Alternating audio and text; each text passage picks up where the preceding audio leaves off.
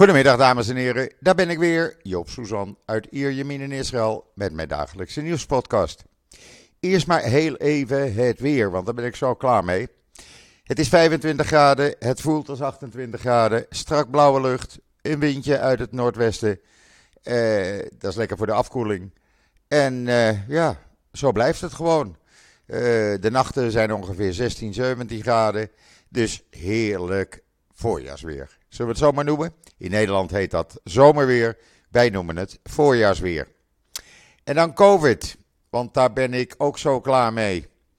2594, eh, oftewel 2594 nieuwe besmettingen gisteren. Er liggen nog 130 eh, mensen in het eh, ziekenhuis. Eh, die zijn ernstig ziek. 65 van hen kritiek. 55 van hen eh, aangesloten aan beademing. Er zijn nog in totaal zo'n 17.229 mensen die besmet zijn met het virus. Dus dat wordt ook elke dag minder. En uh, in de afgelopen 24 uur is er niemand overleden. En het goede nieuws is dat er vanaf 20 mei uh, geen verplichte PCR-test meer is als je hier in Israël aankomt. En de meeste van u komen dan op Ben Gurion Airport aan. Je kan uh, met je bagage meteen doorlopen na vanaf 20 mei. En dat is op een vrijdag. En uh, ja, makkelijker kunnen we het niet maken, zou ik zo zeggen. Dus uh, kom gewoon, geniet uh, van alles wat Israël te bieden heeft. Zonder dat je getest hoeft te worden. En dan gisteren, ja, ik had de podcast al gemaakt omdat ik andere dingen moest doen. En ja, in het begin van de middag werd dan bekend dat die twee uh, jonge terroristen, Palestijnse terroristen, gepakt waren. Uh, en hoe ze dan gepakt waren. De twee die in El Ad drie onschuldige Joden hadden vermoord. Nou, dat was heel simpel eigenlijk. Want een van de specialisten die bij dat zoeken naar die jongens betrokken was die zag uh, ja, een, een, een, een, een struikje bewegen, een onkruidstruikje. En dat trok zijn aandacht. Daar is hij naartoe gelopen met een aantal anderen. Ze hebben die struiken weggehaald. En onder die struiken, ja, die, zaten die twee terroristen. ze bekenden gelijk ze zeiden ja, we hebben geslagen, uh, we weten niet eigenlijk wat we gedaan hebben. Ja, dat weten ze nooit natuurlijk. Uh, maar goed, uh, ze zijn in ieder geval gepakt. En het kwam later uit dat ze mogelijk in een klaslokaal van een school in El Ad hebben gezeten. en waarom denkt de politie dat? Nou, er zijn resten van dode duiven aange, aangetroffen. De camera's waren uh, met een uh, kleedje afgedekt. En uh, ja, dat zal wel uit de verhoren dan blijken of zij inderdaad daar gezeten hebben. Inmiddels de afgelopen nacht, u kunt het allemaal lezen op israelnieuws.nl. De afgelopen nacht hebben de IDF, de grenspolitie en de Binnenlandse Veiligheidsdienst een aantal personen aangehouden. Die worden verdacht van het assisteren bij de terroristen die de aanslagen in Ariel verleden week en uh, afgelopen week in Elat hebben gepleegd. Uh, dat zijn uh, mensen die ja, gewoon geassisteerd hebben. daarnaast hebben ze ook nog wapens in beslag genomen: machinegeweren, pistolen, messen, munitie, van alles en nog wat. En hebben ze ook nog een tiental andere mensen aangehouden die verdacht worden van terreuractiviteiten. De Israëlische politie, dat hadden ze aangekondigd, die is begonnen met uh, uh, zeg maar het, het, het intensief zoeken nu naar illegaal in Israël verblijvende Palestijnen. Uh, het probleem is dat er zijn gaten in, de grens, in het grenshek. En ja, men is nu naastig die gaten aan het repareren. Maar daarnaast zitten er natuurlijk duizenden illegale Palestijnen in Israël die daar werken. Uh, illegaal ook. Nou, uh, men heeft er gisteren al 341 opgepakt. Vandaag is men weer aan de gang. Uh, later zal wel bekend worden hoeveel er vandaag opgepakt zijn. En dat gaat voorlopig nog even door. Ook hebben ze mensen aangehouden die het transport verzorgen. Dus zodra ze de grens overkomen, naar hun plek brengen waar ze werken. Uh, en daarnaast hebben ze mensen aangehouden die deze illegale Palestijnen van werk voorzien. Het wordt nu wat intensiever aangepakt en dat werd wel eens een keer tijd ook, vind ik. Want uh, ja, je kan niet uh, zo aan de gang blijven. Um, nog even over COVID. Er zijn wat onderzoeken hier geweest. En daaruit blijkt dat als je ernstig ziek wordt van COVID-19, kan je hersenbeschadigingen krijgen, waardoor je hersenen in ene keer 20 jaar ouder worden. En dat is uh, een verlies van 10 IQ-punten. Uh, het komt voornamelijk voor bij mensen tussen de 50 en 70. Dit valt te lezen in de Jerusalem Post. Het is een onderzoek van het Cambridge University en het Imperial College in Londen. En het is ook al door andere onderzoekers gecheckt. Daarnaast blijkt dat 13% van de uh, coronapatiënten die uh, ernstig ziek in het ziekenhuis waren opgenomen, 13% heeft last van neurologische uh, problemen, neurologische verschijnselen. Dat is ook een nieuw onderzoek geweest. En ja, dat heeft dan ook te maken met beschadiging van de hersenen. Ook dit is te lezen in de Jeruzalem Post. En dan uh, heeft de IDF, en dan kom ik, uh, ja, ik ga even van de hop en de snop, om het zo maar even te noemen. gisteren heeft de IDF al de huizen in kaart gebracht van die twee Al-Ad-terroristen, nadat ze gepakt waren. Want die huizen zullen binnenkort gesloopt gaan worden. Dat is dan jammer voor de familie, maar het is even niet anders. Ja, en dan gisteravond werd er een politieagent door een uh, illegale Palestijn in de nek gestoken bij Damascus Gate in Jeruzalem. Hij is uh, gewond, niet te ernstig, maar wel gewond in zijn nek. En op datzelfde moment trok een illegale Palestijn de nederzetting Tekoa binnen, vlakbij Jeruzalem. En die ging daar met een mes rondlopen. een van de mensen die daar de zaak bewaakte, die zag het, die draaide zich om hij wilde zijn mes niet neerleggen en hij is nu op visite bij de 72 maagden. Het houdt voorlopig nog niet op. Wat Israël wel heeft gedaan in een uh, signaal van, uh, nou ja, uh, we willen niet iedereen de dupe laten worden. De gesluiting van de doorgangen met de westelijke Jordaanoever zijn opgeheven vanaf vandaag.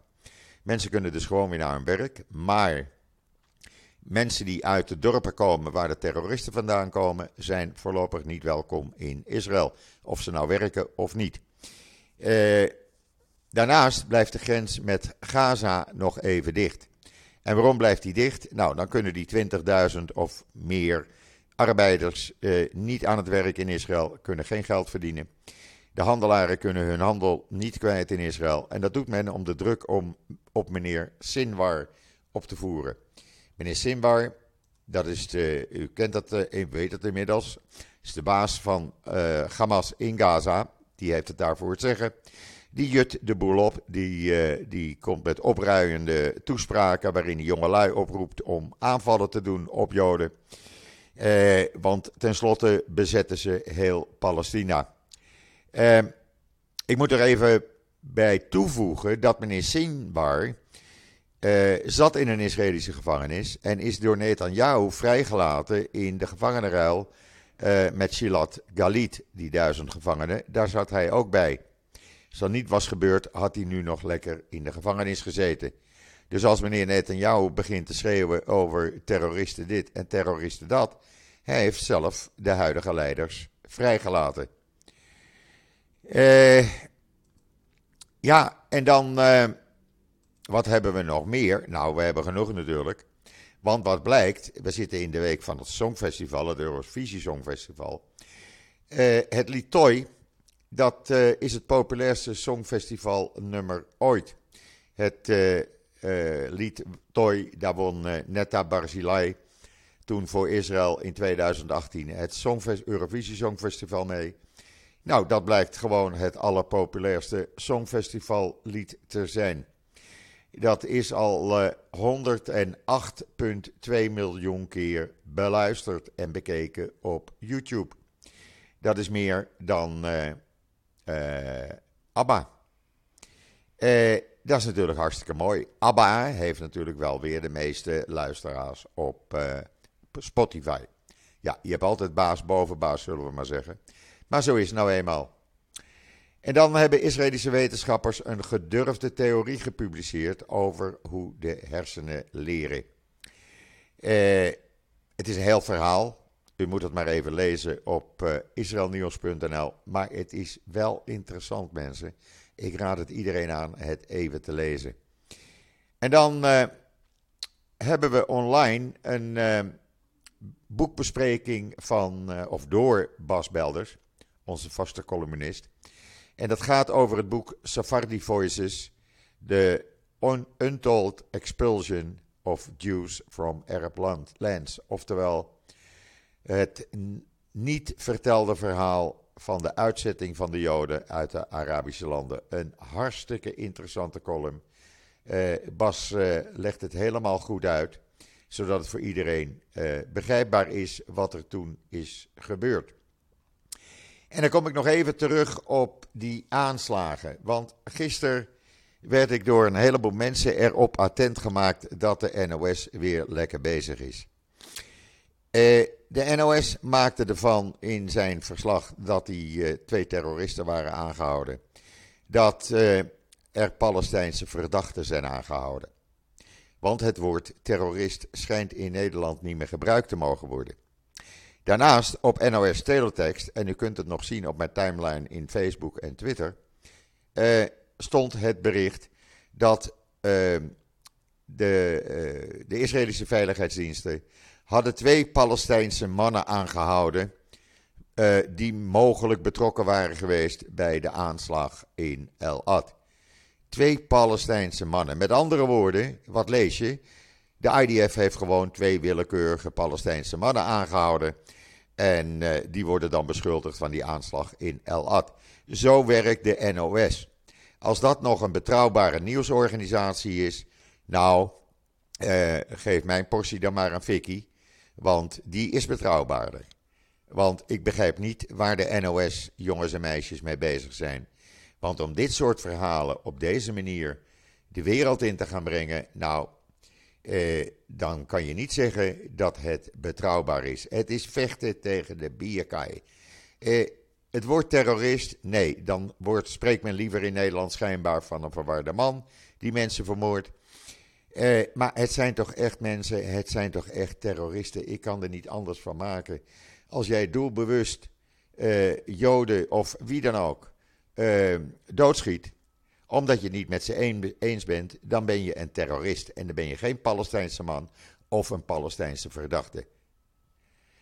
En dan uh, er komt een spannende politieke tijd aan in Israël. Jawel, de Knesset is vandaag terug van reces na acht weken vanaf Pesach. En is nu aan de sessie begonnen die tot de zomer duurt. En uh, ja, de oppositie wil heel graag onder leiding van de Likud van Netanyahu, wil heel graag de regering Bennett-Lapid eh, laten aftreden. Eh, want de Likud kan het nog steeds niet eh, verteren dat ze geen macht meer hebben. Het probleem voor de Likud is dat ze geen meerderheid hebben. Eh, de oppositie heeft 60 stemmen, de regering heeft 60 stemmen. Eh, dan hebben ze de steun nodig van Arabische overlopers of overlopers uit eh, de rechtse hoek van de huidige regering. Nou, daar is mee gesproken door Bennett en Lapid. Uh, ik denk niet dat er overlopers zijn. Uh, er zijn er wel een paar die zeggen: als je dit niet doet of dat niet doet, dan uh, ga ik overstappen. Ja, alsof ze een, een treinkaartje met een overstap hebben gekocht. Maar het ziet er niet naar uit dat ze dat, ze dat zullen doen. het hangt even af van wat gaat de Joint Arab Party doen. Dat is een verzameling van Arabische partijen, niet te ver, verwisselen met de Ra'an-partij. Ra'an-partij heeft nog niet duidelijk gemaakt of ze de regering weer gaan steunen. Maar ik denk dat ze dat uiteindelijk wel zullen doen, omdat dat in hun eigen belang is, want anders hebben ze helemaal geen macht meer. En dan zitten ze erbij en kijken ze erna. Of ze moeten hopen dat Netanyahu met zijn zee gaat. Maar ja, Netanyahu kan niet 1, 2, 3 zeggen: Ik word weer vriendjes met Raampartij. Ik wil ze graag in mijn regering hebben. Zoals hij verleden jaar probeerde. Want hij heeft de hele tijd gezegd dat Bennett met een islamistische terreurgroep samenwerkt. Wat niet waar is. Uh, maar die Joint Arab eh, Party, uh, dat zijn drie Arabische partijen, ja, die, die zit een beetje op de wip. Gaat hij bij de ene kant of gaat hij bij de andere kant? machtshonger leidt vaak tot beslissingen dat ze bij de macht blijven. Nou, het hangt er dus vanaf hoe die macht verdeeld is, wie die macht heeft. Op dit moment is dat Bennett nog. En als je zo in de wandelgangen hoort, op straat en op televisieprogramma's, zegt iedereen van ja, Netanyahu mag dan misschien een betere staatsman zijn. Maar we hebben nu bijna een, uh, een jaar, tien, el, tien, maanden is het nu zo'n beetje. Een regering zonder dat daar uh, allerlei politieonderzoeken naar ministers gaande zijn. We hebben een regering waarin de economie als een tierenlier draait. Waarin de werkloosheid tot onder de 3% is gedaald. Waarbij er meer banen zijn als werklozen beschikbaar. Uh, waarbij uh, COVID in bedwang is gehouden, zonder lockdowns. Uh, waarbij allerlei fiscale maatregelen die ten goede komen aan het publiek zijn genomen. Ja, waar ga je dan voor kiezen? Moet je dan weer het oude verhaal terug of moet je deze mensen een kans geven? En dan kan de oppositie wel zeggen van ja, deze regering, het is een terreurclub en het is dit en het is met dat. Maar uiteindelijk gaat het om het landsbelang en niet om het belang van de Likud of welke oppositiepartij dan ook. Er schijnt een, uh, een orthodoxe partij te zijn die mogelijk, mogelijk, heel misschien, de kant van Bennett gaat uh, kiezen. Want die zijn een beetje het gebral van Netanyahu zat. Dat is uh, United Jewish Torah. En die zitten nu in de oppositie, maar die zijn dat zat. En het zou best eens kunnen dat zij binnenkort een overstapje maken. Maar dat laat ik u vanzelf wel weten. In ieder geval, de huidige regering zit er nog. En die hebben gisteren 3,5 uur met elkaar zitten praten. Mensen, wat gaan we doen? Gaan we een militaire operatie in Gaza of in Jenin en omgeving doen? Nou, er zijn twee uh, uh, kampen, laat ik het zo maar zeggen. Bennett geeft de voorkeur aan een operatie gericht op Gaza. Terwijl Gans, die gesteund wordt daarin door uh, het leger en de Binnenlandse Veiligheidsdienst Shin Bet, eigenlijk kiest voor een brede arrestatiegolf op de Westbank. Zoveel mogelijk mensen die ze op de lijst hebben staan oppakken. Zoveel mogelijk uh, leiders van lokale terreurorganisaties die opereren in opdracht van Hamas en Palest uh, Islamic Palestinian Jihad en Hezbollah oppakken. En kijken of je die angel uh, van het gevaar eruit kan halen. Nou, het gaat er nu om welke kant het op gaat. Het is nog niet duidelijk, maar dat zal binnenkort wel even duidelijk worden. Ja, en dan hebben we ook nog de uitspraak van Bennett gisteren uh, die wel heel duidelijk was. Die zegt, uh, hoe je het ook bekijkt, hoe je het ook ziet, er zal geen buitenlandse inmenging, inmengingen zijn over beslissingen die over de Tempelberg gaan. Israël is de soeverein van Jeruzalem. En uh, daar kan meneer Abbas wel roepen van de Tempelberg is van de Palestijnen. En Jordanië kan wel zeggen: uh, wij zijn de baas op de Tempelberg. Israël is de baas in Jeruzalem. En Israël uh, besluit over de Tempelberg. Nou, duidelijker kan het niet. Hij, zei er nog een, uh, hij voegde er ook nog aan toe.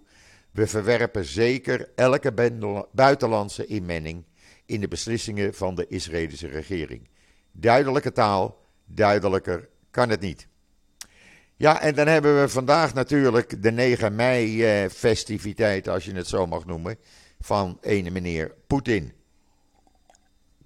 En uh, volgens kranten hier had uh, Poetin vanmorgen gezegd dat de actie tegen Oekraïne een, ja, een voorbereiding was vanwege het feit dat het Westen Rusland wilde aanvallen en een invasie in Rusland wilde plegen. Vandaar dat ze een preventieve actie in Oekraïne hebben uitgevoerd. Nou, het is maar hoe je het noemt. Ik vind de Fabeltjeskrant is er niks bij, uh, bij meneer Poetin. Hij, hij doet dat veel beter. En dan heeft Rusland volgens nieuwsmedia in Israël, zou Rusland bezig zijn om troepen uit Syrië terug te halen. En die moeten dan in Oekraïne gaan vechten. Nou, oké, dat kan. Maar wat doet hij? Die verlaten legerbasissen in Syrië die gaat Poetin overdragen aan de Iraanse Republikeinse Garde en aan Hezbollah. Niet eens aan het Syrische leger. Nou, dan wordt het uh, nog helemaal een, eh, een zootje daar in, uh, in Syrië. En dan moet Israël echt ja, daar tegen gaan optreden. Of ze nou bang of niet bang voor Rusland moeten zijn. Maar je kan dat niet zomaar over je kant laten gaan. En dan iets heel moois in de Negev, de woestijn, waar niks zou groeien. Uh, ene meneer Pini El Makayes, 60 jaar jong, die wilde de herinnering aan zijn, aan zijn neef Lil bewaren, die zes jaar geleden op 13-jarige leeftijd omkwam bij een auto-ongeluk in de Negev. Wat is hij gaan doen? Hij is kersenbomen gaan planten in de woestijn. Kersenbomen in de woestijn, waar nog nooit een kersenboom gebloeid heeft. Nou, je gelooft het of niet, je kan het lezen op Ynet. Ik heb het ook voor het gemak even op Twitter gezet. Uh, niemand die erin geloofde, maar uh, na vier jaar uh, zijn er kersenbomen in bloei in de Negev. De eerste en enige kersenboomgaard in de Negev. Zodra ik in de buurt ben, ga ik zeker even kijken. En ik heb het plan om uh, over een aantal weken uh, richting Negev te gaan. En dan, ja, dan ga ik daar zeker proberen een kijkje te nemen en wat kersen daar mee te nemen. En dan hebben we ook nog iets anders. Voor het eerst in Israël, althans voor het eerst zo lang. Kim is gearriveerd. En wie is Kim dan? Kim is de eerste Israëlische walvis. Jawel, vanaf begin april zwemt hij voor de kust van Haifa, tussen Haifa en Caesarea. Eh, nog net niet bij mij dus. En eh, het is de eerste die eh, voor de kust blijft hangen. Normaal komen ze eventjes en gaan ze weer weg. Eh, maar ja, hij blijft. Hij heeft het gezellig. En heel bijzonder dat we dus nu een walvis constant voor de kust hebben zwemmen. Ik hoop hem ook bij mij voor de kust te kunnen zien bij Ierjamin. Pollock Beach heet dat, mocht u in de buurt zijn. Altijd een bezoek waard. Ik zal u zo uitleggen waarom. Want dan, ja, het zou toch leuk zijn als je opeens een walvis langs ziet zwemmen. en waarom ik zeg, ga eens als je in Israël bent, Pollock Beach bezoeken. Ja, niet in grote getalen hoor, want het is nou nog lekker rustig. Nou, je kan uh, vanaf Pollock Beach, en dat doe ik regelmatig met de hond, vanaf Pollock Beach zuidwaarts lopen. Dan mag je zelf weten of je dat 1, 2, 5, 7 of 10 kilometer doet richting Gaas, Zevaim. En uh, dat is een gedeelte uh, waar je kilometers lang geen internetverbinding hebt. Waar je kilometers lang alleen maar duin, strand en water hebt. Hoe mooi is dat? Daar loop je en je loopt alleen maar in de natuur. Ik kan het iedereen aanraden, maar doe het niet op het heetst van de dag. Doe het s morgens vroeg of doe het in de namiddag. Het is echt een avontuur. Dit gezegd hebbende brengt mij dat tot het einde van deze podcast. Hij is toch weer langer geworden als dat ik dacht. Ik wens iedereen nog een hele fijne voortzetting van deze maandag, de 9e mei. En wat mij betreft Ik ben er morgen weer en zeg zoals altijd: tot ziens, tot morgen.